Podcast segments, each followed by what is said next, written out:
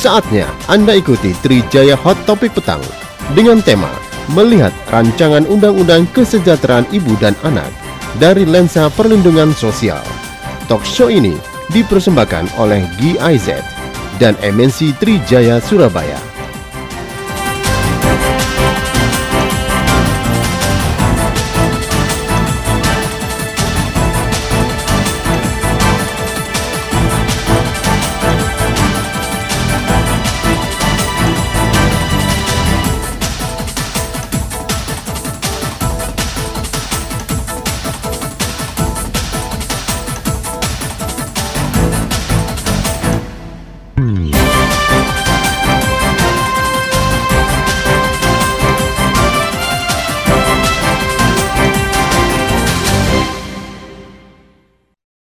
FM Surabaya 104.7. Assalamualaikum dengan Trijaya, apa kabar? Sore hari ini masuk di hari terakhir ya, di bulan September tahun 2022. Langit Surabaya juga sore hari ini begitu luar biasa menyenangkan. Gerimis rintik-rintik, dan Alhamdulillah sore ini saya juga tidak akan siaran sendirian, karena saya kedatangan kakak-kakak saya. Ini bener kakak-kakak kayaknya ya? Atau kalau ngomongin Besti juga agak jauh loh ininya, uh, perbedaan usianya kayaknya. Jadi sore ini saya akan uh, iya, saya akan berbicara ini mengenai tentang rancangan undang-undang kesejahteraan ibu dan anak dari lensa perlindungan sosial. Sudah bersama dengan saya ini narasumber yang luar biasa hebat guru-guru saya ada uh, Pak Ahmad Anshori selaku tenaga ahli independen, ahli jaminan sosial. Selamat sore, Pak. Selamat sore, Mas Reza. Selamat sore, pendengar Trijaya sekalian. Baik. Selamat sore, para narasumber. Senang berjumpa. Terima kasih. Bapak Timbul Siregar, ini selaku koordinator advokasi BPJS Watch. Sore Pak Timbul. Selamat sore Mas, selamat sore pendengar Trijaya Network, Bapak Ibu narasumber, Pak Ansori, Mbak Aya, ya, Pak Mahlil, Pak Suci, Pak Dewi, Mbak Dewi, okay. semuanya, Pak Liti, ya. Baik, kemudian ini ada juga uh, ibu yang saat ini tidak tidak menggunakan filter ya untuk profilnya. ada Tidak Ibu pernah Sri, filter. Betul. Ibu Cut Sri Rozana atau Bu Aya. Ini Direktur Program Perlindungan Sosial GIZ. Sore, Bu. Selamat sore Mas Reza, selamat sore pendengar Trijaya. Senang sekali bisa bertemu kembali dengan Pak Ansori dan juga Pak Timbul yang hampir sudah sekian lama um, tidak berjumpa ya. Semoga diskusi hari ini akan uh, bermanfaat untuk kita semua ya Mas Reza ya. Betul, amin, amin, amin. Jadi untuk Anda pendengar Trijaya, saya akan memberikan sebuah monolog dulu. Jadi ternyata Undang-Undang Dasar Negara Republik Indonesia tahun 45 ini mengamanatkan bahwa setiap orang punya hak yang sama untuk dapat mempertahankan hidup dan kehidupannya. Lebih lanjut, hak asasi manusia tersebut termasuk hak atas kehidupan yang sejahtera lahir dan batin, memperoleh pelayanan kesehatan, dan mendapatkan jaminan sosial yang memungkinkan pengembangan dirinya secara utuh sebagai manusia yang bermartabat. Bahkan secara khusus, Undang-Undang 45 mengamanatkan agar setiap anak berhak atas kelangsungan hidup, tumbuh, dan berkembang, serta berhak atas perlindungan dari kekerasan dan diskriminasi. Amanat tersebut yang menggambarkan adanya kewajiban negara dalam menjamin kesejahteraan warganya. Nah, ibu dan anak yang sejahtera ini punya peran penting dalam pembangunan nasional. Tapi demikian, Indonesia masih menghadapi berbagai permasalahan atas kesejahteraan ibu dan anak. Ibu dan anak merupakan kelompok rentan yang wajib terus dilindungi. Angka kematian ibu di Indonesia masih sangat tinggi, yaitu 305 kematian per 100 ribu kelahiran hidup. Sementara data menunjukkan terdapat 24 kematian bayi per seribu kelahiran hidup di Indonesia. Selain itu, saat ini banyak ibu yang membantu kehidupan keluarganya dengan turut bekerja mencari nafkah. Masih ditemukan juga berbagai diskriminasi kepada ibu pekerja, khususnya saat mereka bekerja dalam keadaan hamil dan setelah melahirkan. Nah, atas dasar tersebut, pendengar Trijaya, Dewan Perwakilan Rakyat telah mengusulkan rancangan undang-undang tentang kesejahteraan ibu dan anak dalam Prolegnas 2020-2024 dan saat ini masih dalam pembahasan. Ada juga satu lagi narasumber yang saya hadirkan, yaitu Pak Dr. Mahlil Rubi, ini selaku Direktur Perencanaan, Pengembangan, dan Manajemen Resiko BPJS Kesehatan. Jadi nanti akan segera bergabung. Baik, untuk mempersingkat waktu, ini saya langsung akan uh, memberikan pertanyaan kepada Pak Timbul terlebih dulu Pak Timbul ya. Jadi untuk Pak Timbul ini kan uh, selaku koordinator advokasi BPJS Watch Pak. Menurut pandangan Pak Timbul sendiri, overview ya, uh, sebagai koordinator advokasi BPJS Watch, bagaimana Pak situasi ibu dan anak di Indonesia saat ini Pak? Ya, jadi memang tentunya uh, sesuai dengan amanat Undang-Undang Dasar 45 bahwa seluruh rakyat kita harus dilindungi ya dari berbagai masalah terutama tentang kesehatan dan kalau kita melihat uh, angka-angka yang disajikan oleh Kementerian Kesehatan maupun pemerintah secara umum memang angka kematian anak dan uh, bayi dan ibu itu masih tinggi dan ini juga memang kita lihat bagaimana juga peran jaminan kesehatan nasional terkait dengan penurunan angka kematian ibu dan anak. Ya, saya ingat sekali waktu pada 2008 2017 ketika kita mengus, apa, membicarakan masalah revisi Perpres 19 menjadi Perpres 82. Sebenarnya kan targetannya adalah bagaimana ketika ada eh, Perpres yang baru bisa menurunkan tingkat kematian ibu dan anak. Ternyata memang sampai sekarang mohon maaf eh, itu belum terjadi. Dan kalau kita lihat lagi bagaimana terkait dengan pelayanan eh, di masyarakat juga. Sampai sekarang masih ada misalnya jam persal. Jam persal itu kan sebenarnya bagaimana harusnya pekerja apa masyarakat miskin kita, ibu yang hamil ini nggak usah diikutkan jam persal, dia diikutkan aja dengan PBI sehingga pas sebelum melahirkan ataupun pasca melahirkan dia dapat penjaminan.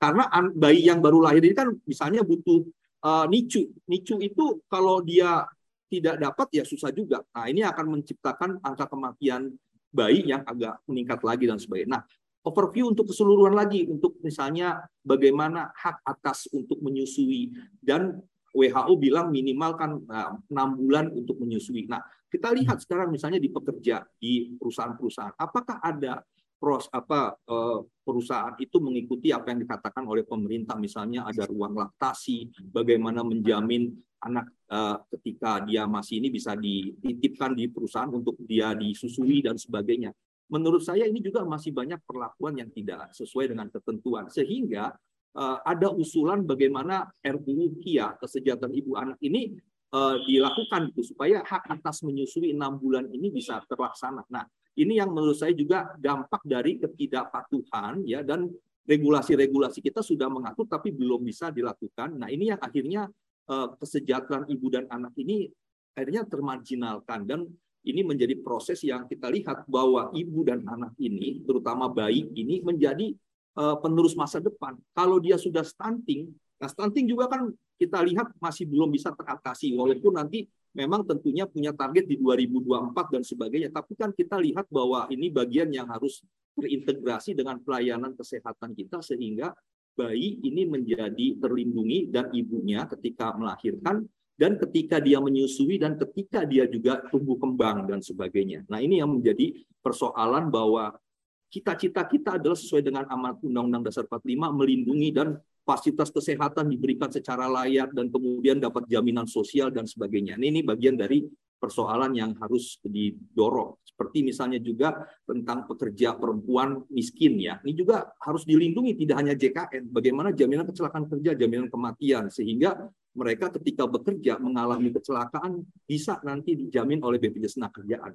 Dapat santunan tidak mampu bekerja sehingga bisa mendukung ekonomi mereka. Kalau nggak bekerja kan mereka tidak dapat penghasilan. Nah, ini bagian dari proses yang bisa mendorong sehingga uh, kesejahteraan uh, keluarga ibu bisa lebih baik dalam juga bagaimana memenuhi kebutuhan anak untuk tumbuh kembang sejak lahir sampai uh, tumbuh kembang menjadi uh, manusia yang lebih apa bebas ya apanya bisa mandiri dan sebagainya seperti itu. Jadi memang banyak persoalan yang memang belum klop antara implementasi dengan regulasi kita sendiri sehingga memang uh, alasan didorongnya keseja, apa RUU kesejahteraan ibu dan anak ini untuk memastikan bahwa ada hak atas bayi untuk mendapatkan uh, ASI yang lebih uh, baik lagi ya. Kalau kita uh, baca kemarin ya di harian Kompas itu di headline disebutkan tentang dokter dan bidan yang mendorong penjualan bayi for, apa susu formula. Ah. Jadi kesannya ini bagian yang juga harus kita kritisi bahwa jangan sampai ASI itu digantikan oleh susu formula sehingga hak atas minimal enam bulan menyusui dari ibunya langsung digantikan oleh susu formula. Ini kan juga menjadi persoalan bagaimana eh, kelengkapan gizi yang ada dalam ASI ini tidak sama dengan yang ada di susu formula sehingga kita kalau hanya mengandalkan susu formula ya itu akan terjadi persoalan bagi pertumbuhan kembangan bayi itu sendiri. Nah, ini juga bagaimana uh, jangan sampai kesejahteraan ibu dan anak ini bayi ini terintervensi oleh uh, industrialisasi susu ya yang memang juga sebenarnya kan tidak bisa merepresentasikan daripada ASI itu sendiri. Nah, ini jadi bagaimana hak tumbuh kembang bayi dan keselamatan ibu bisa lebih dipastikan seperti itu. Oke, baik. Uh, Pak Timbul, berarti ya. kalau dari dari sebegitu detailnya Pak Timbul menyebutkan overview tadi, berarti menurut Pak Timbul sendiri, untuk saat ini, apakah sistem jaminan sosial di Indonesia ini sudah menyediakan manfaat yang cukup untuk ibu dan anak? Ya, kalau dari sisi regulasinya sebenarnya hmm. cukup Ya, tetapi oh. memang kan dalam pelaksanaannya, misalnya tadi saya sampaikan yeah. untuk JKN saja, masyarakat miskin kita kan faktanya masih banyak yang dinonaktifkan sepihak. Sehingga si ibu kemarin ada beberapa kasus ya, seminggu yang lalu seorang ibu mau dirawat pas di rumah sakit kartunya nonaktif. PBI. APBN yang dinonaktifkan sepihak. Ini yang terus kita hmm. katakan masyarakat miskin ini kan tidak tahu kartunya itu aktif atau tidak, tapi mereka punya kartu. Artinya mereka masih menganggap aktif. Tapi faktanya terjadi penonaktifan sepihak PBI APBN maupun PBI APBD sehingga si masyarakat miskin ini datang ke paskes nonaktif tidak bisa dijamin. Nah, kalau tidak bisa dijamin masa dia jadi pasien umum? Nggak mungkin. Nah, ini yang kita terus dorong misalnya, eh pemerintah, kalaupun masih, kalaupun menganggap seorang penerima bantuan iuran ini sudah mampu, kasih tahu ibu, bapak harus dicabut kartunya karena sudah sudah mampu. Nah, kalau belum mampu, dilihat rumahnya, oh ya sudah, tidak boleh dicabut. Nah, ini kan adalah bagian dari mengkomunikasikan program pemerintah kepada ibu atau masyarakat miskin lainnya. Nah, ini salah satu contoh yang menurut saya real terjadi sampai saat ini dan ini yang menjadi masalah kami dari BPJS sering berapa kali itu menemukan kasus ini dan ketika kita melakukan advokasi kita akan terkendala dengan regulasi-regulasi. Permensos 21 tahun 2019 itu tidak bisa digunakan untuk PBI APBD tapi untuk APBN. Jadi sebelum enam bulan ketika si masyarakat miskin ini dinonaktifkan, sebelum enam bulan dia bisa langsung reaktivasi satu hari. Tapi setelah enam bulan lewat dia nggak boleh. Nah minimal sebulan kemudian baru bisa diaktifkan. Tapi kan masalahnya dia sakit hari itu. Nah, itu sisi iya. pertama. Kedua, misalnya terkait dengan perintah pasal 14 dan 17 Undang-Undang SDSN. Masyarakat miskin didaftarkan dan iurannya dibayarkan oleh pemerintah untuk mendapatkan jaminan sosial. Tadi baru hanya JKM. Bagaimana JKK dan JKM? Ibu Nurul, seorang pemulung yang tinggalnya di belakang Kokas ya, di kota Casablanca, di kuburan Belanda itu ya, jarinya terputus ketika dia harus memulung. Nah, ketika dia dirawat di sebuah rumah sakit, dia tidak dijamin oleh JKN. Kata orang BPJS Kesehatan, ini bagian dari eh, JKK JKN. Nah, ini kan persoalan sehingga kita bilang saatnya teman Abu Nurul dan teman-temannya diikutkan ke program jaminan kecelakaan kerja dan jaminan kematian. Sehingga pasal 14 dan pasal 17 itu bunyi untuk masyarakat miskin kita mendapatkan jaminan kecelakaan kerja kematian. Nah ini kan persoalan bahwa mereka ketika pun sakit tidak mampu bekerja, mereka dapat STMB, santunan tidak mampu bekerja. Sehingga dari sisi ekonomi mereka tertolong. Kuratifnya dibiayai, ekonominya dibantu. Sampai nanti misalnya jelek-jeleknya mereka meninggal karena sakit ataupun kecelakaan kerja, anaknya dapat beasiswa maksimal dua anak dari TK sampai perguruan tinggi. Inilah yang saya bilang, program jaminan sosial itu bisa memutus rantai kemiskinan. Kalau pemerintah punya impres 4 tahun 2022 tentang penanganan kemiskinan ekstrim, ini salah satu instrumen untuk menghambat terjadinya kemiskinan ekstrim. Nah, tetapi kalau kita sekarang baca di RAPBN, Undang-Undang APBN 2023 itu tidak muncul anggaran untuk JKK dan JKM. Yang kalau kita hitung, 5 juta orang pekerja miskin itu iurannya hanya satu triliun. Kalau di DTKS data terpadu kesejahteraan sosial kan ada sekitar 20 juta orang miskin, pekerja miskin. Itu kan hanya 4 triliun, jauh di bawah APB apa PBI JKN. Nah, tetapi ini sangat membantu ya untuk menurunkan tingkat kemiskinan, untuk bagaimana kuratifnya bisa sembuh, bisa dapat pelatihan, dapat STMB dan sebagainya. Nah, ini bagian yang diamanatkan yang sudah ditunggu-tunggu sejak lama untuk masyarakat miskin, terutama untuk pekerja-pekerja uh, yang memang kesehariannya itu rentan terjadi kecelakaan kerja seperti pemulung ya, seperti petani, nelayan apalagi ya, uh, mereka kan melaut dan sebagainya. Nah ini kembali persoalannya bagaimana kita bisa merealisasikan amanat pasal 28H, pasal 34 Undang-Undang SJSN dan undang-undang yang terkait dengan perlindungan sosial bagi masyarakat uh, kita secara umum dan khususnya untuk perempuan seperti itu. Oke, baik. Lengkap sekali. Ngomongnya berapi-api, ini yang awalnya Surabaya ini dingin, Pak, jadi hangat ini, Pak, sekarang sore ini, ya. Pak. Baik. Ini saya mengucapkan selamat datang juga ini kepada Dr. Malil uh, Malil Ruby yang baru saja bergabung. Ini beliau adalah selaku Direktur Perencanaan, Pengembangan dan Manajemen Resiko BPJS Kesehatan. Selamat sore, Pak Dr. Mahlil. Ya, sore Mas Reza. Maaf nih, saya baru selesai dari uh, dokter gigi nih, jadi agak sedikit telat ber, bergabung. Ya, nggak apa-apa Pak. Nanti Pak, nanti saya punya pertanyaan spesial buat Pak Mahalil ya. Tapi sekarang saya ingin uh, bertanya untuk uh, Pak Ansori dulu. Jadi untuk ke, ke Pak Ansori, Pak sebagai mantan anggota Dewan Jaminan Sosial Nasional dan sebagai tenaga ahli jaminan sosial secara independen, ini saya ingin tanya Pak, gimana rancangan undang-undang tentang kesejahteraan ibu dan anak ini menurut pandangan Pak Ansori? Ya, terima kasih Mas Reza, uh, para pendengar Trijaya yang berbahagia. Uh, pertama saya ingin menyampaikan apresiasi terlebih dahulu kepada GIZ SPP yang telah menginisiasi acara yang penting ini. Terima kasih sekali Bu Aya dan tim karena uh, ini bukan hanya sekedar tentang proses uh, perancangan peraturan perundangan, tetapi di dalamnya di antaranya terkandung hal yang sangat spesifik. Uh, kita tahu bahwa uh, membangun satu negara bisa dimulai dengan memastikan kesejahteraan ibu dan anak.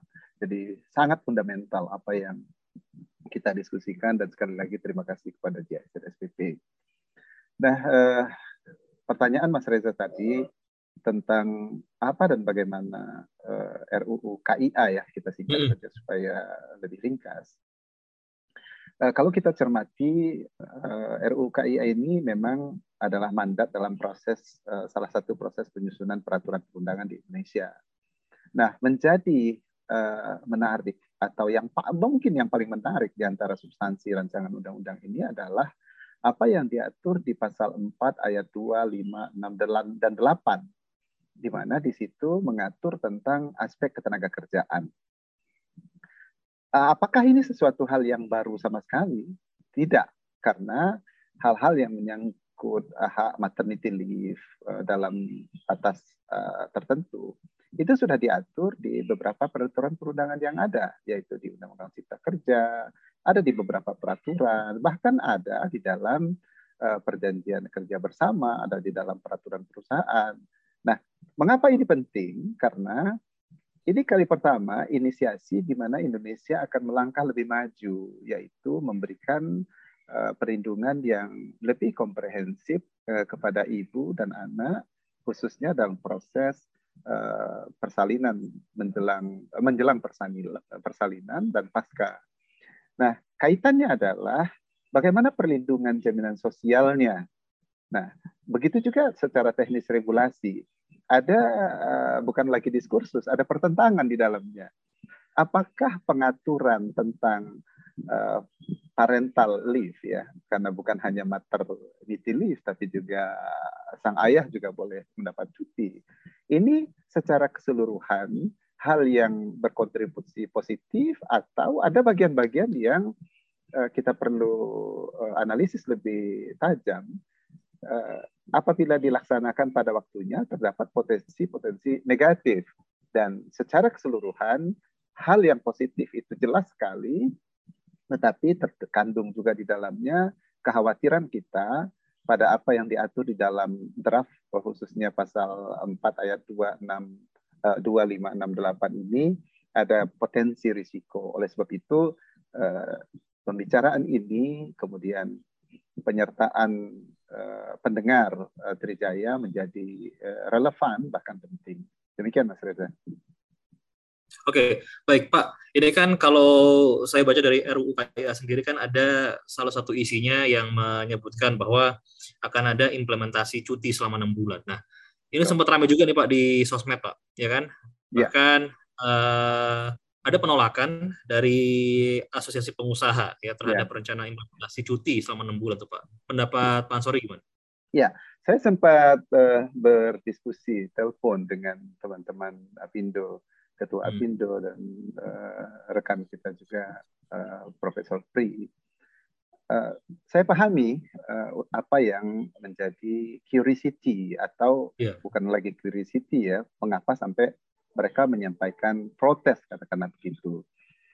Uh, oleh sebab itu, uh, saya menganjurkan supaya dalam pembahasan-pembahasan uh, khususnya di uh, DPR itu menyatakan atau lebih dahulu membuat ikhtisar apa yang menjadi concern dari uh, eh, RUU KIA ini khususnya tentang uh, parental leave ya.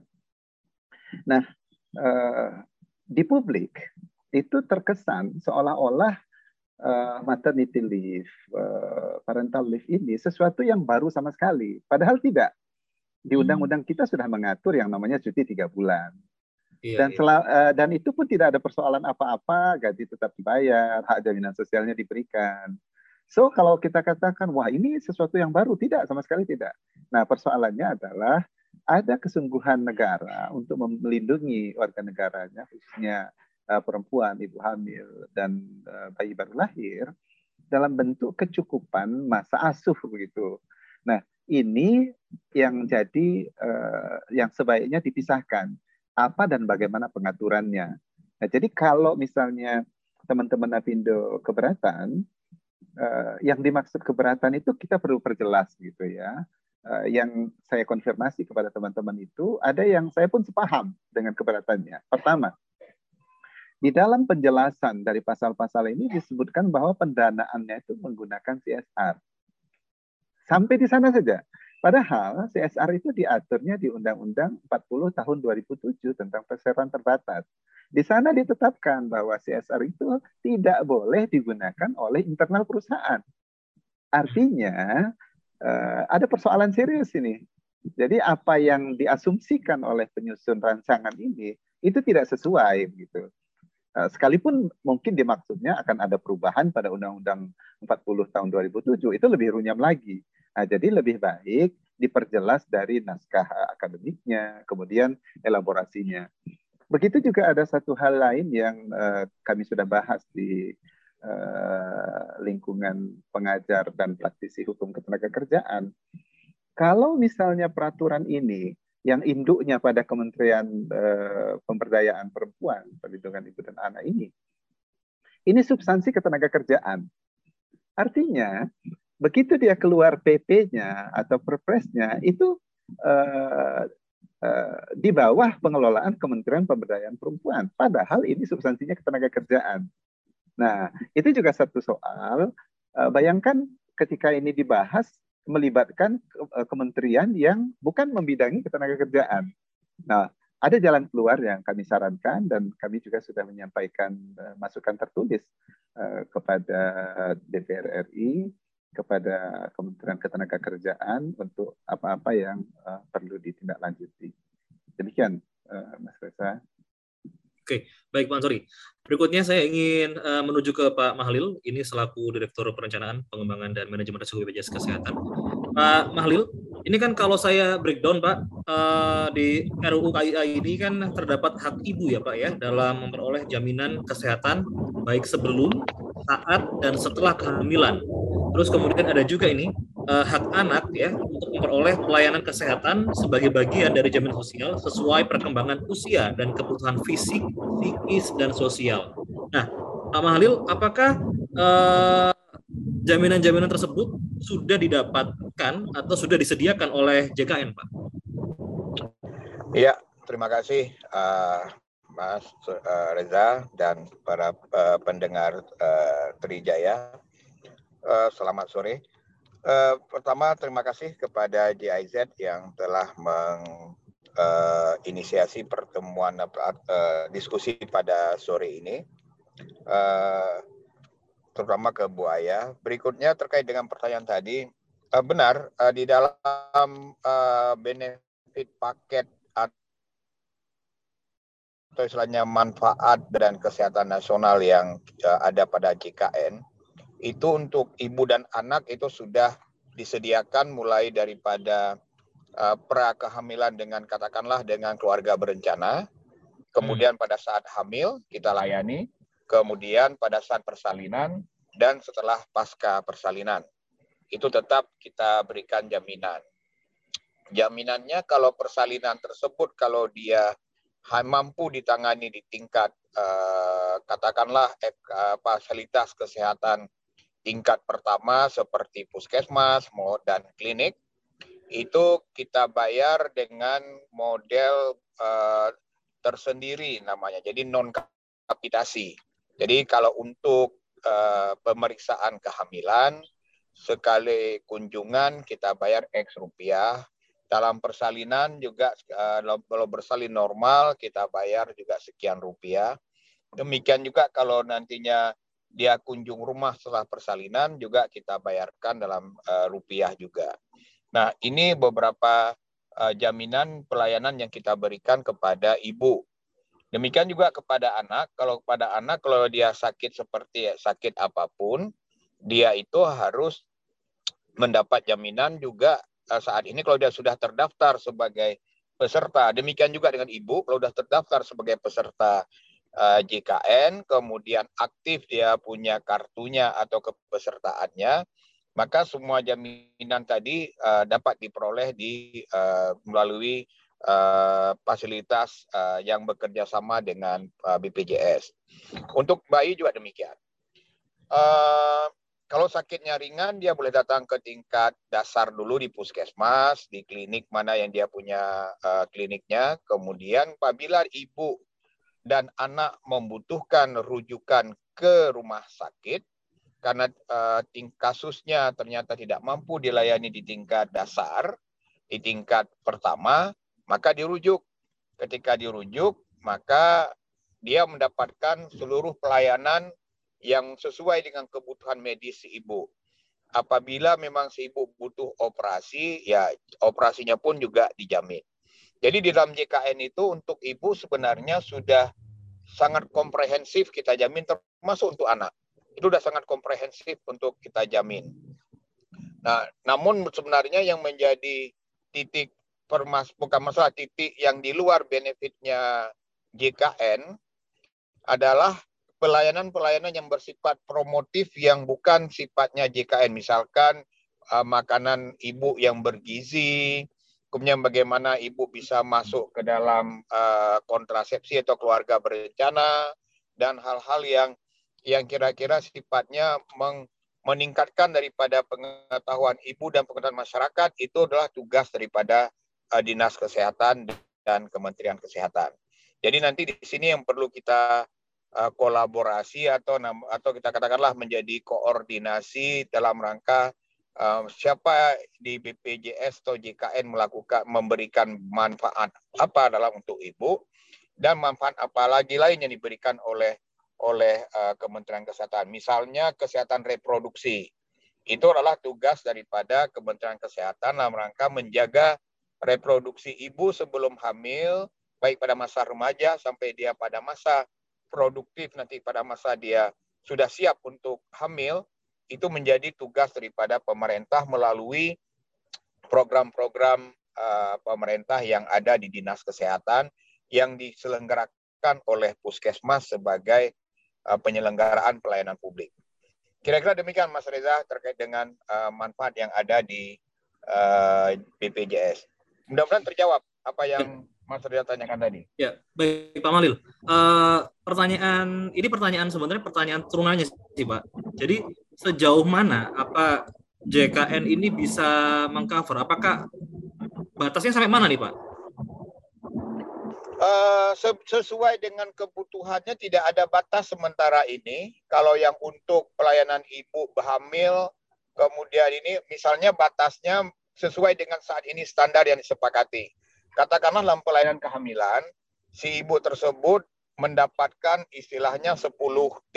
Jadi artinya mendapatkan pemeriksaan tekanan darah, tablet besi, imunisasi, mengukur tekanan tinggi badan, kemudian dia juga hmm. mendapatkan uh, apa pemeriksaan tinggi dia punya uh, kehamilannya. Nah, itu adalah merupakan hal yang yang menjadi hak atau uh, batas yang sesuai dengan standar yang ada. Demikian juga pada persalinan, seluruh tindakan yang memang dibutuhkan untuk ibu tersebut agar dia bisa bersalin, kita kita kita kita berikan misalkan perlu operasi seksio sesaria, ya. itu juga dijamin. Uh, kalau ibu memang butuh seksio sesaria, juga dijamin. Kalau memang tidak butuh, misalnya di vakum, juga kita jamin. Jadi tidak ada tindakan yang saat ini yang tersedia uh, teknologinya yang tidak kita jamin. Jadi kita jamin uh, sesuai dengan yang tersedia saat ini dan sesuai dengan kebutuhan medis daripada uh, peserta kita atau pada kebutuhan ibu ketika ibu butuh persalinan. Demikian juga anak kalau memang dia butuh ICU, kita butuh uh, tindakan-tindakan uh, yang yang lama, yang butuh tindakan yang berat, operasi, operasi jantung karena dia katakanlah ada bocor klep istilahnya dan sebagainya itu juga kita jamin di dalam uh, jaminan kesehatan nasional. Walaupun di dalam praktek-prakteknya masih banyak kita temukan uh, yang tidak baik dilayani oleh oleh katakanlah oknum-oknum di fasilitas di rumah sakit atau ya, di ya. fasilitas kesehatan lainnya. Tapi tidak ada batas. Begitu hebatnya JKN kita, pemerintah memberikan jaminan kepada ibu dan uh, bayi baru lahir bahkan sampai anak itu kita kita berikan. Nah demikian kira-kira Mas Reza, mudah terjawab yang disebut uh, batas. Jadi tidak ada batas sebenarnya sesuai okay. kebutuhan ibu tersebut kalau terkait dengan persalinan. Oke, baik Pak Maril. Uh, pertanyaan terakhir Pak dari saya Pak. Terus kemudian solusinya Pak, solusi uh, kepada mereka-mereka yang mungkin mengalami kesulitan untuk mengakses uh, pelayanan JKN seperti apa Pak? Uh, memang sekarang ada beberapa hambatan daripada masyarakat atau ibu untuk mengakses pelayanan kesehatan, walaupun negara sudah membuka pintu fasilitas kesehatan melalui JKN. Penyebabnya yang pertama faktor budaya. Bahkan banyak di kampung-kampung, terutama ini ngapain ke rumah sakit, kita pergi aja ke dukun atau jangan nggak usah ngapain. Dan itu itu adalah hal yang paling sering menjadi penghambat para ibu untuk mengakses. Okay. Yang kedua adalah faktor kejauhan, artinya aspek geografisnya itu juga menjadi hambatan daripada ibu mengakses tersebut. Kemudian faktor yang lain adalah faktor uh, transportasinya yang nggak tersedia. Sehingga si ibu kadang-kadang nggak mungkin si ibu naik uh, motor kan juga perlu yang mau seperti uh, mobil, angkut dan sebagainya kedua mau bersalin. Nah, ini mestinya peran daripada pemerintah daerah lah di sini atau desa di mana di desa saat ini kan sudah memiliki yang disebut dengan anggaran desa hampir satu miliar setiap desa.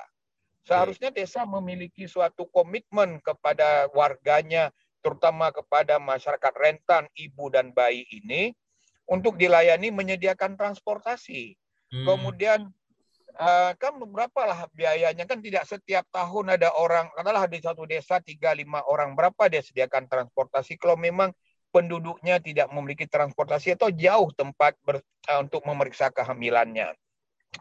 Kemudian juga Eh, para tokoh masyarakat tolong jangan lagi lah berjaman kembali ke zaman batu bahwa kita tidak ada tindakan atau ada faktor karena setan karena sebagainya itu tidak ada lagi. Mari selamatkanlah ibu. Karena ibu itulah kayak sebagai apa istilahnya kita uh, pemangku negara kita lah sebenarnya. Dari ibulah sebenarnya suatu negara itu sukses atau mampu bertahan atau bersaing dengan negara lain apabila ibu sehat, anak sehat, maka kita 20 tahun ke depan akan mendulang generasi yang mampu bersaing di tingkat global. Jadi jagalah ibu yang baik, jagalah baik atau anak yang baik. Itu kita itu yang paling penting. Nah, di sinilah kita perlu di desa. Mudah-mudahan dalam undang-undang ini menitipkan di desa. Karena desa lah yang terdekat dengan dengan ibu. Bukan bukan bupati. Bupati jauh dengan ibu. Jadi dialah kini pemerintah negara sudah membuka paskes, pintu paskes, tapi untuk mengakses itu tuh butuh peran-peran masyarakat, peran daripada desa untuk bisa mencapai uh, solusi seperti itu. Solusi lain yang bisa kami berikan, tetapi kami bersandar kepada SOP atau pada standar yang ditetapkan oleh Kementerian Kesehatan, mendekatkan pelayanan misalnya dengan cara di desa-desa tersebut kan sudah ada bidan desa. Sekarang kita bisa membuat jejaring bidan desa tersebut asal bidan desanya itu memenuhi syarat dia melakukan persalinan tersebut di di klinik di desa tersebut. Kita akan bayar juga desa uh, klinik tersebut. Misalnya terpenuhilah syarat-syarat kebersihan, syarat sterilisasi, alat-alat minimum yang dibutuhkan dan juga kemampuan daripada bidan tersebut. Nah, ini kira-kira solusi yang bisa kita berikan pada meningkatkan akses masyarakat. Sekarang uh, Mas Reza, dari 4 juta ibu hamil, hmm. baru satu juta yang menggunakannya. Baru satu juta setengah dengan yang yang seksu sesaria. Berarti masih ada dua juta setengah ibu hamil itu yang tidak menggunakan pemeriksaan kehamilan. Dan ini ini adalah sesuatu yang menunjukkan ada sesuatu yang yang perlu kita tingkatkan dalam mencapai akses kepada fasilitas kesehatan. Jadi negara sudah menyediakan, mereka sudah mampu akses, tetapi dia tidak tidak bisa mengakses. Demikian Mas Reza. Mudah-mudahan ini uh, menjadi solusi kita semua. Ya. Baik, terima kasih Pak Malil. Tadi sudah berbicara dengan tiga orang laki. Wah, ini sekarang saya pengen dengar suaranya nih dari yang paling gagah ya. Selamat sore Bu Aya. Ini saya di request katanya Mas nanti tolong dipisah Mas antara Bu sama Ayahnya Mas. Oke, Bu Aya ya. Oke Bu Aya. Ini pertanyaan untuk Bu Aya. Uh, dalam konteks kerjasama teknis antara pemerintah Indonesia dengan pemerintah Jerman, ini gimana Bu uh, eh, GIZ uh, eh, melihat perkembangan perlindungan sosial di Indonesia? Nah, kira-kira apakah sudah inklusif untuk menjawab tantangan dan perubahan zaman? Monggo Bu. Terima kasih banyak Mas Reza. Selamat sore juga pendengar Trijaya. Terima kasih Pak Timbul yang sudah memulai dengan sangat bersemangat. Jadi akan lebih mudah bagi saya sebenarnya untuk streamlining agar kita berpikirnya tidak nero, tetapi melihat dari perspektif yang lebih besar. Terima kasih juga kepada Pak Ansori yang sudah meletakkan fundamental yang sangat-sangat spesifik karena kita bicara pada level policy. Tentu terima kasih juga kepada Pak Mahlil, teman lama saya, karena eh, melihat dari perspektif yang sangat technicality karena berkaitan dengan eh, role and responsibility dari BPJS Kesehatan selaku penyelenggara jaminan sosial di Indonesia. Nah, saya akan bicara dari kacamata uh, uh, perlindungan sosial karena uh, saya mewakili pemerintah Jerman dalam mengimplementasikan program perlindungan sosial di Indonesia yang saat ini sudah memasuki tahun ke-12, Mas Reza, pendengar hmm. Trijaya. Kemudian eh, tahun ini adalah tahun yang sangat istimewa karena eh, setelah tahun ini akan menjadi Eh, cornerstone untuk eh, lahirnya program baru yang nantinya akan fokus eh, kembali kepada memperkuat reformasi perlindungan sosial dalam bidang kesehatan di mana nanti kita akan mulai sejak tahun 2023 Mas Timbul. Jadi barangkali pertengahan tahun 2023 sesuai dengan kesepakatan antara pemerintah Jerman dengan pemerintah Indonesia melalui G2G negotiation bahwa uh, mulai Januari uh, tahun 2023 harapannya uh, reformasi jaminan reformasi mohon maaf reformasi program perlindungan sosial khususnya dalam bidang kesehatan akan menjadi fokus utama sampai dengan tiga tahun ke depan. Ada beberapa bidang lain yang berjalan secara bersamaan. Mengapa dilakukan demikian? Yang pertama, Mas Reza, Bapak Ibu sekalian, pendengar Trijaya, kita harus melihat Indonesia adalah sebagai negara yang Eh, bukan hanya sedang berkembang, tetapi emerging ekonomi. Artinya posisinya sangat kuat. Jadi kalau satu hari Indonesia menjadi macan Asia, sebenarnya ini adalah bukan hal yang baru seperti apa yang Mas Timbul sampaikan tadi. Eh, kalau demikian, apa yang dibutuhkan sebenarnya agar Indonesia ini mampu mencapai apa yang menjadi Eh, obsesi besar kita bersama-sama sebagaimana yang disampaikan oleh Presiden Jokowi bahwa pada tahun 2045 nanti kita itu akan memiliki tingkat kemiskinan yang rendah. Artinya tingkat kemiskinan yang rendah apa? Zero poverty. Nah, kalau kita bicara zero poverty, tadi Mas Timbul sudah menyampaikan dengan benar bahwa perlindungan sosial adalah salah satu kata kunci untuk bisa melakukan pengentasan kemiskinan secara menyeluruh dan terpadu. Mengapa? Karena kalau kita bicara perlindungan sosial, maka kita bicara sebuah sistem yang besar. Kita bicara jangka panjang. Kita bicara dari hulu ke hilir kita bicara bagaimana seluruh pihak saling bersatu untuk bisa meletakkan fondasi bersama-sama agar apa yang disampaikan oleh Mas Timbul tadi intro dari Mas Reza artinya kesejahteraan bagi seluruh penduduk Indonesia tercapai. Jadi kita sering menyampaikan bahwa program perlindungan sosial itu adalah enabler. Jadi artinya yang membuat program lain bisa berjalan. Ini sangat menarik apa yang disampaikan oleh Mas Timbul dan Pak Ansori tadi. Kemudian dalam konteks uh, dukungan pemerintah Jerman kepada pemerintah Indonesia, pemerintah Jerman tentu melihat uh, interest dan juga apa yang menjadi kebutuhan dari pemerintah Indonesia. Karena sekali lagi ini adalah program bersama, jadi tidak ditentukan oleh pemerintah Jerman, tetapi ditentukan bersama-sama oleh pemerintah Indonesia. Salah satu yang paling penting adalah tadi saya menyampaikan kalau secara ideal, program perlindungan sosial itu harus didesain jangka panjang. Harus didesain secara adaptif. Tidak boleh reaktif. Contohnya apa? Kalau naik BBM, kemudian kita keluarkan subsidi PLT untuk BBM. Itu artinya reaktif. Hmm. Berarti apa? Program perlindungan sosial kita tidak siap, Mas Timbul, iya, Pak iya. Ansori, Pak Mahlil. Karena itu adalah prinsip pertama kalau kita melihat program perlindungan sosial dari kacamata perlindungan sosial. Jadi yang pertama adalah kita harus melihat apakah programnya sudah ada. Oh, ternyata programnya sudah ada. Tadi Pak Timbul menyampaikan dengan detail, Pak Ansori menambahkan, kemudian Pak Mahlil menjelaskan salah satu bidang yang paling penting yaitu social insurance dalam hal ini, apa yang kita kenal dengan JKN. Oh, programnya sudah ada. Tetapi kemudian pertanyaan yang berikutnya, apakah sufisien atau tidak?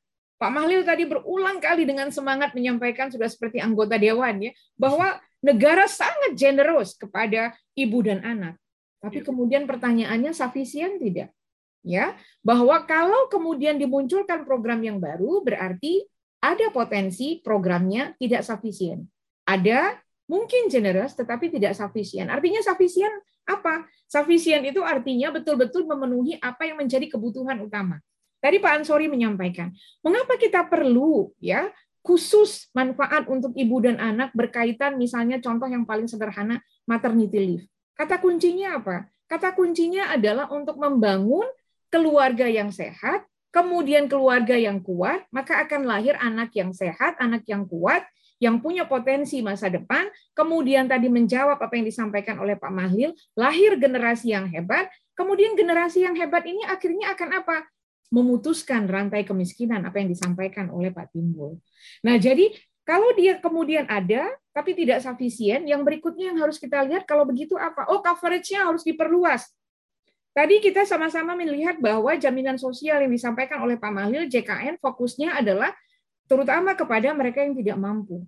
Jadi artinya kalau dia ada sufisien tapi kemudian coverage-nya masih terbatas, nah ini berarti harus menjadi pertanyaan kita bersama. Coverage-nya yang terbatas seperti apa Bu Aya misalnya? Contohnya adalah masih segmented kepada kelompok tertentu. Jaminan sosial, program perlindungan sosial itu harusnya universal. Mengapa? Karena prinsip sosial itu adalah untuk menjawab semua resiko hidup. Resiko hidup termasuk di dalamnya yang cross cutting. Seperti apa misalnya? Bencana. Mas Timbul nggak bisa pilih apakah mau bencananya hujan, mau bencananya longsor, mau bencananya banjir. Mengapa? Karena tergantung tempat tinggalnya.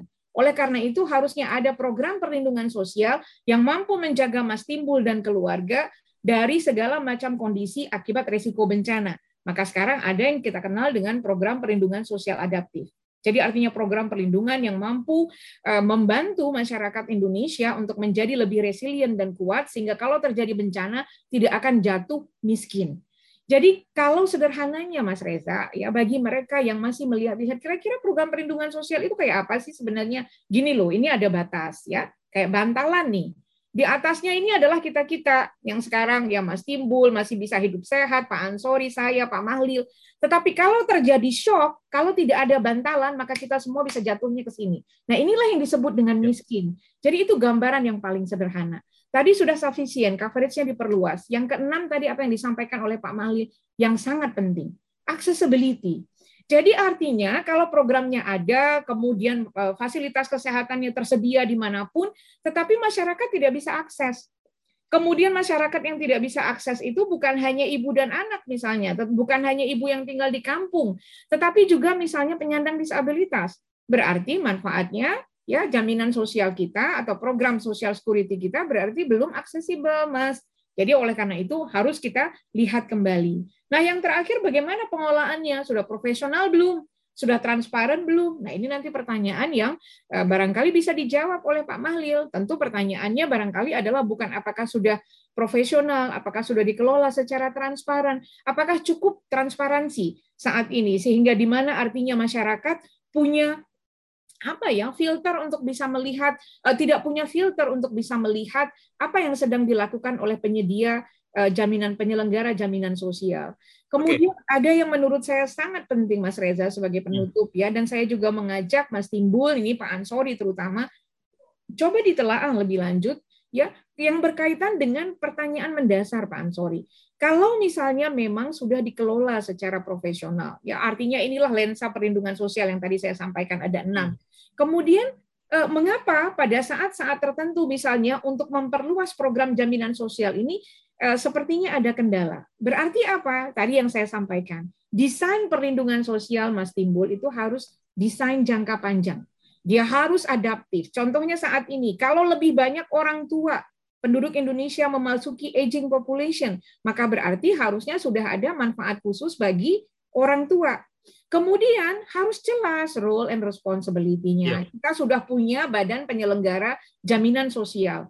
Harusnya seluruh manfaat ya yang memang harusnya tersedia melalui jaminan sosial itu harusnya dikelola oleh BPJS Kesehatan. Nah, ini mekanismenya yang harus diatur, peraturan perundang-undangannya yang harus diatur. Ya. Inilah yang didorong oleh um, pemerintah Jerman bersama dengan pemerintah Indonesia dalam hal ini Bappenas untuk menjawab tantangan yang disampaikan oleh Presiden Jokowi agar sekarang nih Mas Timbul bukan 2045 zero poverty tapi 2040 oleh karena itu, Bappenas sekarang sedang gencar melakukan reformasi perlindungan sosial, di mana salah satunya adalah dengan melihat kembali rearranging benefit, rearranging population, redesign program perlindungan sosial. Agar apa? Agar apa yang menjadi pertanyaan besar melalui lensa perlindungan sosial tadi bisa terjawab. Kira-kira begitu, Mas Reza. Tujuannya okay. tidak lain dan tidak bukan agar Indonesia betul-betul ready bukan hanya sebagai penyelenggara G20 ya mengambil uh, crown di dalam G20 tetapi artinya posisi Indonesia ya. itu betul-betul menjadi negara yang kuat terutama dalam konteks memasuki menjadi negara maju ya Mas Timbul ya karena Indonesia kan mitra dekat dari G7 misalnya. Who ya. knows barangkali one day nanti akan ada G8 barangkali Mas Timbul Pak Ansori. Demikian uh, Mas Reza. Oke. Makin semangat ini tapi ini juga waktunya juga makin sempit ya. Jadi saya mau langsung uh, tanya kepada Pak Ansori. Pak Ansori ini selaku tenaga ahli independen. Ya. Ansori ini saya pengen tanya Pak, sebetulnya instrumen apa ini yang di yang harusnya disiapkan oleh pemerintah maupun pemberi kerja agar implementasi perubahan regulasi cuti melahirkan ini bisa berjalan sesuai dengan undang-undang?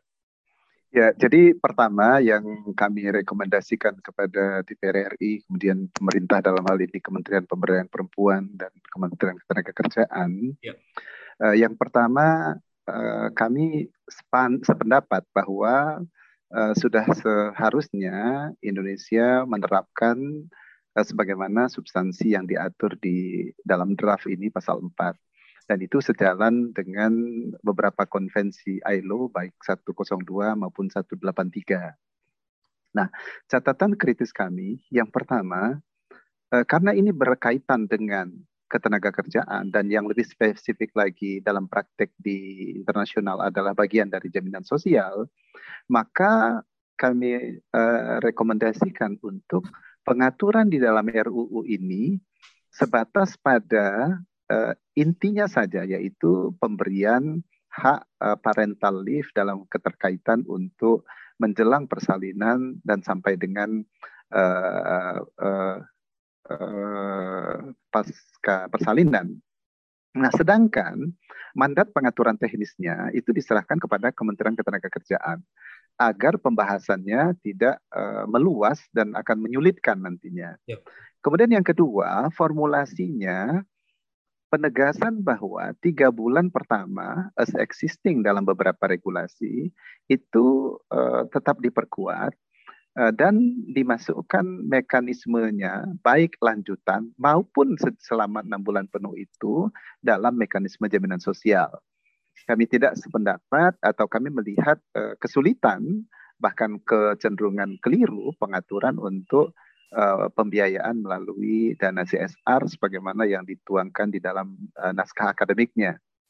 Nah, jadi kalau disimpulkan apa yang harus dilakukan, uh, pertama uh, above all tentu hmm. perlu dibenahi uh, uh, kontennya, diperjelas esensinya, Lalu yang kedua dikomunikasikan secara efektif begitu, termasuk sebagaimana yang uh, dilakukan diinisiasi oleh GIZ SPP ini diperbanyak begitu supaya uh, bukan hanya diskursus tetapi lebih fokus kepada uh, esensi apa yang harus didiskusikan begitu. Okay.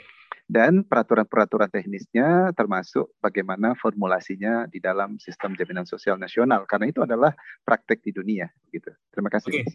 okay, baik. Uh, terima kasih uh, Pak Sorry. Berikutnya nih saya mau ke Mas uh, Timbul Siregar. Oh, saya manggilnya Mas ini, biar makin ya. akrab ya. ya. baik. Lain uh, ya. Uh, Pak Timbul, ini jawaban singkat saja Pak. Jadi kalau menurut Pak Timbul sendiri, langkah apa yang selanjutnya, ya, nextnya harus dilakukan oleh pemerintah dan legislatif biar tahapan pengesahan berjalan dengan baik dan rancangan peraturan RUU KIA ini bisa mesejahterakan ibu dan anak. Ya, terima kasih pendengar Trijaya uh, yang baik dan tentunya dari apa yang sudah dipaparkan ya, uh, tentunya memang uh, apa yang harus dilakukan oleh pemerintah ya harus mengikuti Undang-Undang 12 tahun 2011 yang sekarang sudah diubah menjadi Undang-Undang 13 tahun 2022 tentang pembentukan peraturan perundangan yang kalau dalam pasal 96-nya jelas melibatkan masyarakat untuk mendapat masukan sehingga hmm. RUU KIA ini tidak menjadi polemik. Apalagi nanti kita masuk dalam tahun polemik politik dan sebagainya. Dan menurut saya ini memang harus dikaji lebih jauh, lebih dalam sehingga tidak terburu-buru ya. Dan kita harus fokus pada bagaimana perlindungan terhadap ibu dan anak. Pasal 96 ini yang harus menjadi pointer untuk bagaimana kesel, uh, partisipasi masyarakat memberikan masukan kepada RUU KIA ini. Nah, saya yang mau katakan kedua, seperti yang dikatakan oleh Mbak Aya tadi, bahwa sebenarnya Jerman ini bagian dari uh, apa namanya uh, contoh kita membangun jaminan sosial ya uh, atau Pan Bismarck ya dan sebagainya ini juga kita harus kaitkan bagaimana keberhasilan jaminan sosial di sana itu bisa diterapkan di sini dengan tadi kata kuncinya sustainability-nya bagaimana dan sebagainya. Dan kalau kita mengacu pada uh, apa yang dikatakan oleh uh, Atkinson bahwa uh, jaminan sosial itu bisa menurunkan tingkat kemiskinan dan tingkat kesenjangan sosial. Dalam bukunya Inequality What Can Be Done tahun 2015 dijelaskan dengan sangat jelas jaminan sosial yang berkelanjutan yang kepesertaannya lebih luas ini akan bisa memastikan kemiskinan akan menurun dan ini yang harus kita dorong bahwa perlindungan ya. itu harus dilakukan. Tidak hanya JKN, tapi bagaimana juga ketenaga kerjaan, karena ini satu kesatuan. Nah, ya. terakhir sedikit uh, untuk menanggapi apa yang disampaikan oleh Pak Mahril tadi. Memang sekarang ini Perpres 82 sedang diproses ya. Saya mau coba masukkan kepada memberikan masukan kepada pemerintah. Bagaimana pasal 16 dan pasal 28 Perpres 82 ini juga bisa diatur uh, sedemikian rupa sehingga pekerja apa peserta perempuan yang belum masuk menjadi peserta JKN ketika melahirkan juga harus mendapatkan perlakuan sama ketika pekerja perempuan ini menjadi peserta JKN yaitu anak itu bisa dijamin tanpa harus menunggu masa 14 hari. Itu yang pertama. Yang kedua, memang tentunya ketika menjamin angka kematian bayi bisa diturunkan, bagaimana ruang NICU itu juga harus sampai kepada rumah sakit-rumah sakit di tingkat kabupaten kota. Saya Oke. pernah dengan Pak Ansori ke Kapuas, tidak ada ruang NICU di rumah sakit RS2 RSUD Kapuas. Ini kan persoalan bayi ini harus mendapatkan perlakuan di NICU ya, pelayanan dan sebagainya. Ya. Jadi memang Baik, tentunya ini harus menjadi perhatian untuk kita semua. Demikian Mas. Ya oke. Maaf ini harus saya potong Ya, karena siap. Ya. sebetulnya ada banyak pertanyaan yang masuk Pak ini dari pendengar Trijaya tapi sepertinya ini hanya sempat satu pertanyaan. Ini langsung ke Pak Mahlil. Pak Mahlil, ini ada pertanyaan dari Ibu Lia di Surabaya. Apakah bayi yang baru lahir langsung mendapatkan fasilitas layanan kesehatan gratis? Monggo Pak. Singkat saja Pak. Kalau dia merupakan ibunya adalah peserta, maka otomatis dia mendapatkan. Apabila dia memang masih ada yang kalau peserta eh, sampai dengan 30 hari itu masih mendapatkan pelayanan. Tidak lebih 30 hari itu harus didaftarkan menjadi menjadi peserta dulu. Oke. Jadi jadi itu bunyi eh, peraturannya. Jadi itu eh, kita akan akan dapat kalau memang dia, dia kalau ibunya itu peserta dia akan akan akan dapat sampai dengan pada usia 30 hari dia Ya. baru harus mendaftarkan. Oke, baik. Terima kasih Pak Mahlil. Dan yang terakhir Ya. untuk eh, Bu Aya, Bu Aya, monggo silakan untuk conclusion-nya untuk eh, obrolan kita sore hari ini. Silakan. Terima kasih Mas em, Reza dan penyiar Trijaya semua. Eh, Saya ingin mengajak siapa pun yang mendengar pada hari ini, khususnya eh, bagi ibu dan tentu keluarga dalam hal ini bagi bapak, karena kalau kita bicara eh, kesejahteraan ibu maka tidak terlepas daripada kesejahteraan bapak, seperti apa yang disampaikan oleh Pak Ansori. Sekali lagi kata kuncinya ya Mas Timbul tadi sudah menyebutkan dan sudah menyampaikan kembali apa yang saya coba echo berulang kali bahwa membangun program perlindungan sosial itu tidak boleh mendadak, tidak boleh jangka pendek, ya, kemudian tidak boleh reaktif, Mas Timbul. Jadi harus betul-betul dikaji. Saya sangat sepakat dengan apa yang disampaikan oleh Pak Ansori. Katakanlah nanti ya eh, rancangan undang-undang ini kemudian akan disahkan, tetapi dia tidak boleh kemudian kita menutup mata untuk kemungkinan revisi dan lain sebagainya. Mengapa? Sama seperti kita tidak boleh menutup mata terhadap potensial untuk melihat kembali apakah undang-undang besar kita yang menjadi induk daripada program perlindungan sosial, yaitu Undang-Undang 40 tahun 2004, sudah cukup memadai atau tidak. Mengapa? Karena framework yang besar ini akan memastikan program perlindungan sosial kita berlangsung jangka panjang, kemudian dia living, Mas, timbul ya seperti living dokumen. Jadi artinya kapan pun dia ada perubahan, dia punya eh, apa ya Pak Ansori, eh, ada ruang di mana dia bisa mengabsorb dengan sangat cepat. Ya. Kemudian yang tidak boleh kita lupakan adalah yang harus segera kita mulai karena ini menjadi sangat penting. Kita tidak boleh menyia-nyiakan reformasi besar yang sudah dilakukan di mana lahir dua badan penyelenggara jaminan sosial yaitu BPJS Kesehatan dan BPJS Ketenagakerjaan.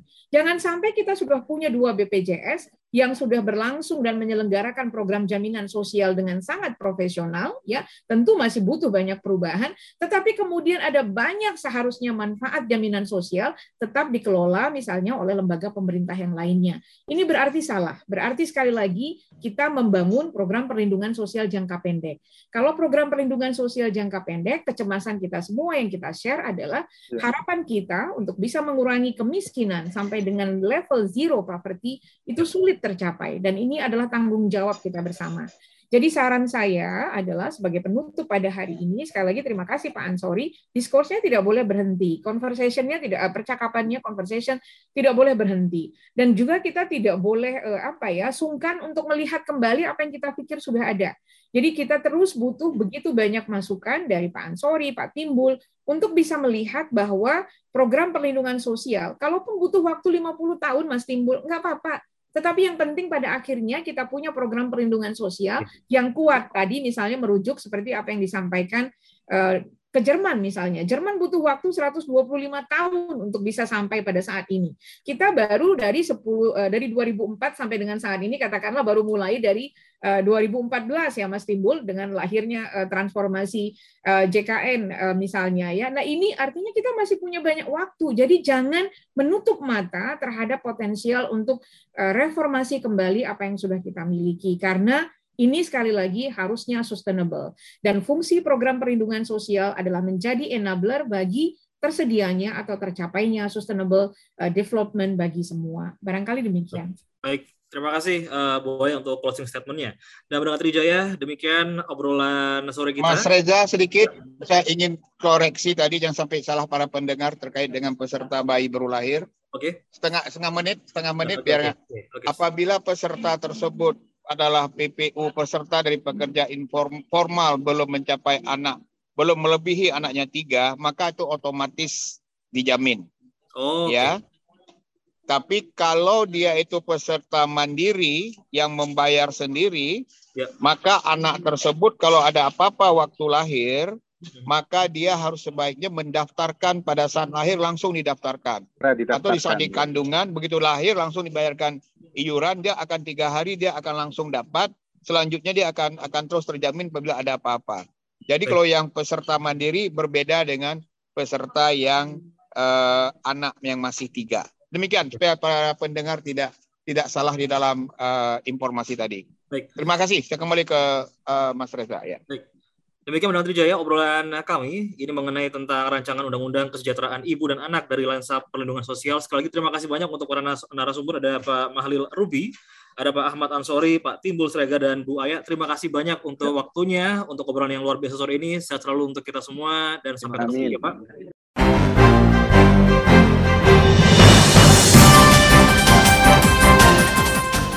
Telah Anda ikuti Trijaya Hot Topic Petang dengan tema Melihat Rancangan Undang-Undang Kesejahteraan Ibu dan Anak dari Lensa Perlindungan Sosial. Talk show ini dipersembahkan GIZ dan MNC Trijaya Surabaya.